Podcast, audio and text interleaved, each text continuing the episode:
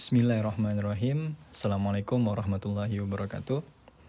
Uh, Alhamdulillah, balik lagi di podcast Ayubram, volume ke-9, um, sekaligus volume pertama atau volume pembuka di tahun 2022.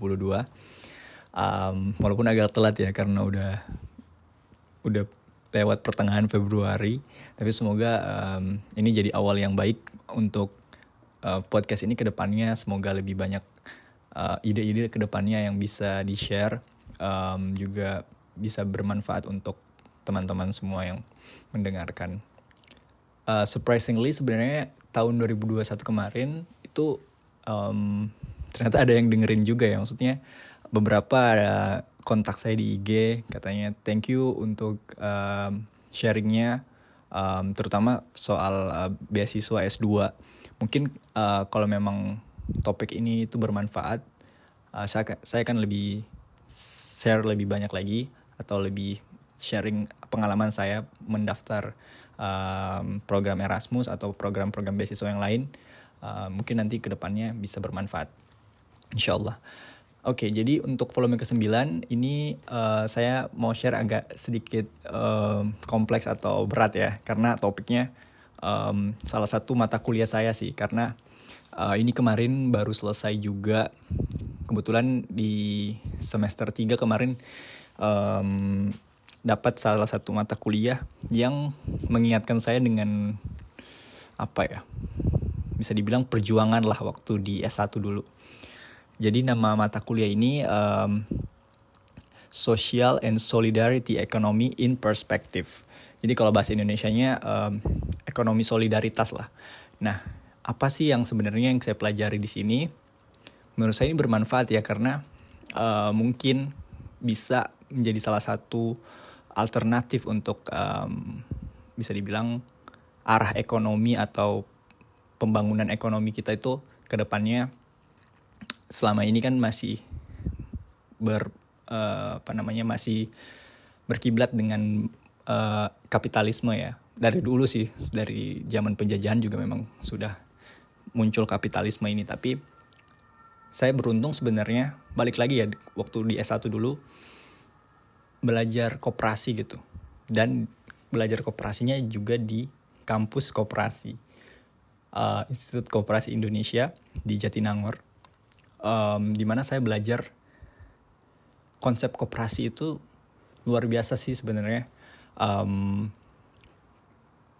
dan saya juga terlibat di maksudnya tidak hanya belajar koperasi tapi saya juga terlibat um, dalam satu organisasi koperasi mahasiswa gitu di kampus dan saya tahu sendiri gimana beratnya menjalankan koperasi gitu karena uh, di satu sisi kita harus tetap menjaga uh, bisnis tetap jalan, operasional tetap jalan. Tapi di satu sisi juga kita menjaga misinya gitu, menjaga misi untuk mensejahterakan atau dulu sih kita dibilangnya apa? Uh, ya mensejahterakan, anggota walaupun sejahtera itu masih sangat subjektif sekali. Tapi intinya ada dua misi yang dihadapi atau yang koperasi ini perlu jaga gitu. Pertama adalah profit atau uh, ya keuntungan bisnis untuk menjalankan bisnis usahanya dan kedua adalah menjaga uh, bagaimana agar anggotanya atau um, ya members yang terlibat atau menjadi anggota di dalam koperasi itu bisa bermanfaat bisa berdaya gitu dalam segi ekonomi sosialnya gitu dan itu saya rasakan sendiri sih waktu dulu di S1 nah uniknya di S2 ini itu dipelajari lagi. Ternyata memang koperasi ini uh, bersumbernya dulu dari Jerman ya. Ada salah satu koperasi namanya Rochdale. Nah, itu yang uh, menjadi salah satu sejarah koperasi. Nah, kemarin di semester 3 ini kita belajar social economy and social innovation di mana salah satunya itu koperasi muncul uh, sebagai salah satu bisnis model atau uh, bentuk organisasi yang digunakan oleh negara-negara di sini di Eropa untuk um, mempromosikan sos konsep sosial ekonomi gitu. Awalnya kenapa? Karena mereka juga sebenarnya nggak suka gitu atau benci dengan mulai mulai bukan benci sih mulai mulai resah dengan uh, konsep kapitalisme yang mendarah daging sih di di sistem perekonomian mereka gitu. Nah, bagaimana cara mereka mengubah kapitalisme ini? Kapitalisme sendiri itu suatu um, ideologi atau ini berat ya kalau saya jelasin tentang kapitalisme, tapi kapitalisme itu sebenarnya adalah salah satu akar dari semua masalah um, yang mungkin sekarang kita hadapi ya. Um, masalah lingkungan, ecological crisis, um, kemudian masalah apalagi um, income inequality atau kesenjangan sosial yang di mana sekarang ini secara ekonomi juga dibahas eh, satu uh, persen populasi itu menguasai hampir uh, 90 persen uh, kekayaan di dunia gitu atau pokoknya gap antara kaya dan miskin dan semua masalah-masalah sosial dan ekonomi kita itu berasal dari kapitalisme dan turunannya neoliberalisme. Nah inilah uh, kenapa yang koperasi atau sosial ekonomi itu menjadi alternatif. Um, agak berat ya memang, tapi kalau kita tidak mengubah sistemnya ini, um, maka tidak akan bertahan lama.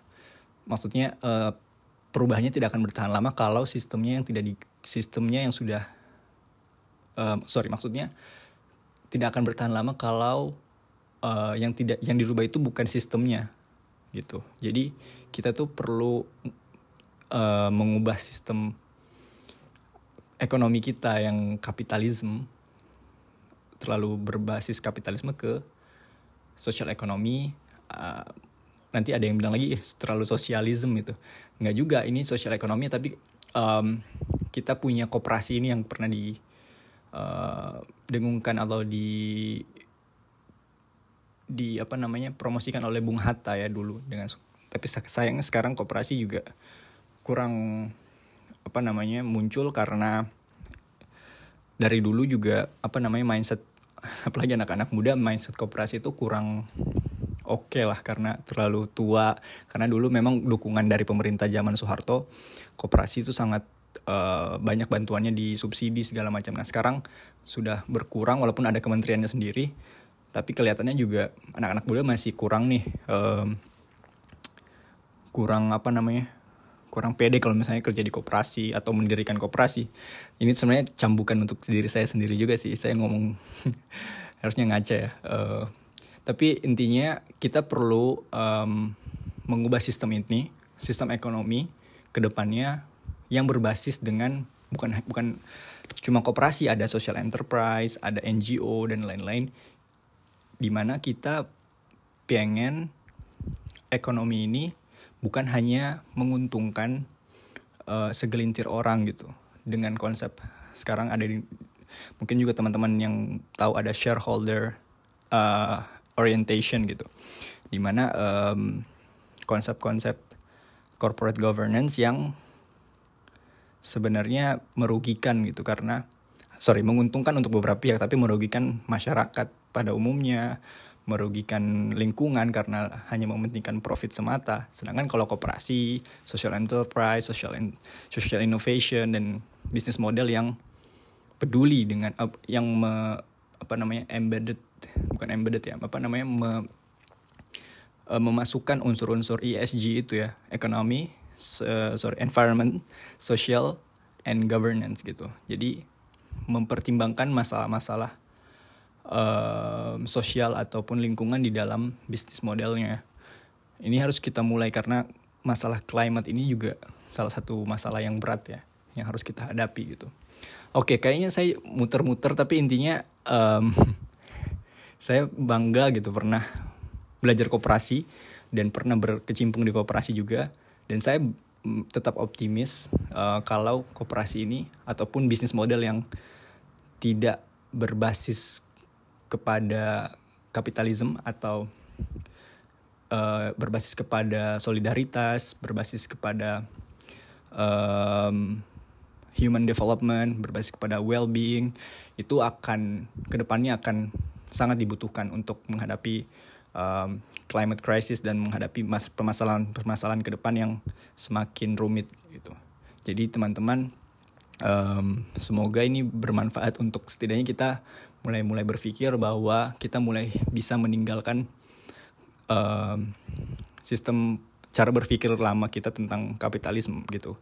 Kalau misalnya teman-teman uh, juga bisa menjadi anggota koperasi silakan. Atau punya uh, um, kenalan atau punya social enterprise yang yang bergerak uh, untuk punya misi menjadi alternatif kapitalisme itu bagus banget gitu.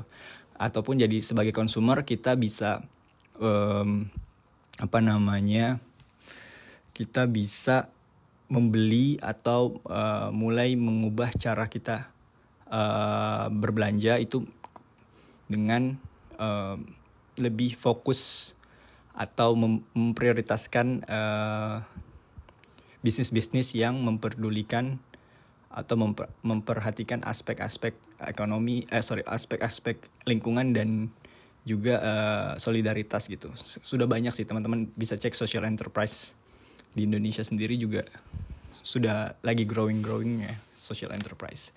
Oke okay, uh, itu saja. Karena udah 10 menit lewat semoga bermanfaat. Jika ada topik ataupun pertanyaan sorry jika ada topik yang ingin teman-teman kira-kira enak untuk dibahas silakan uh, di komentar. Ataupun uh, pertanyaan tentang uh, volume ke-9 atau volume, volume volume yang lainnya sangat ditunggu banget. Terima kasih, sampai jumpa lagi di volume selanjutnya. Assalamualaikum warahmatullahi wabarakatuh.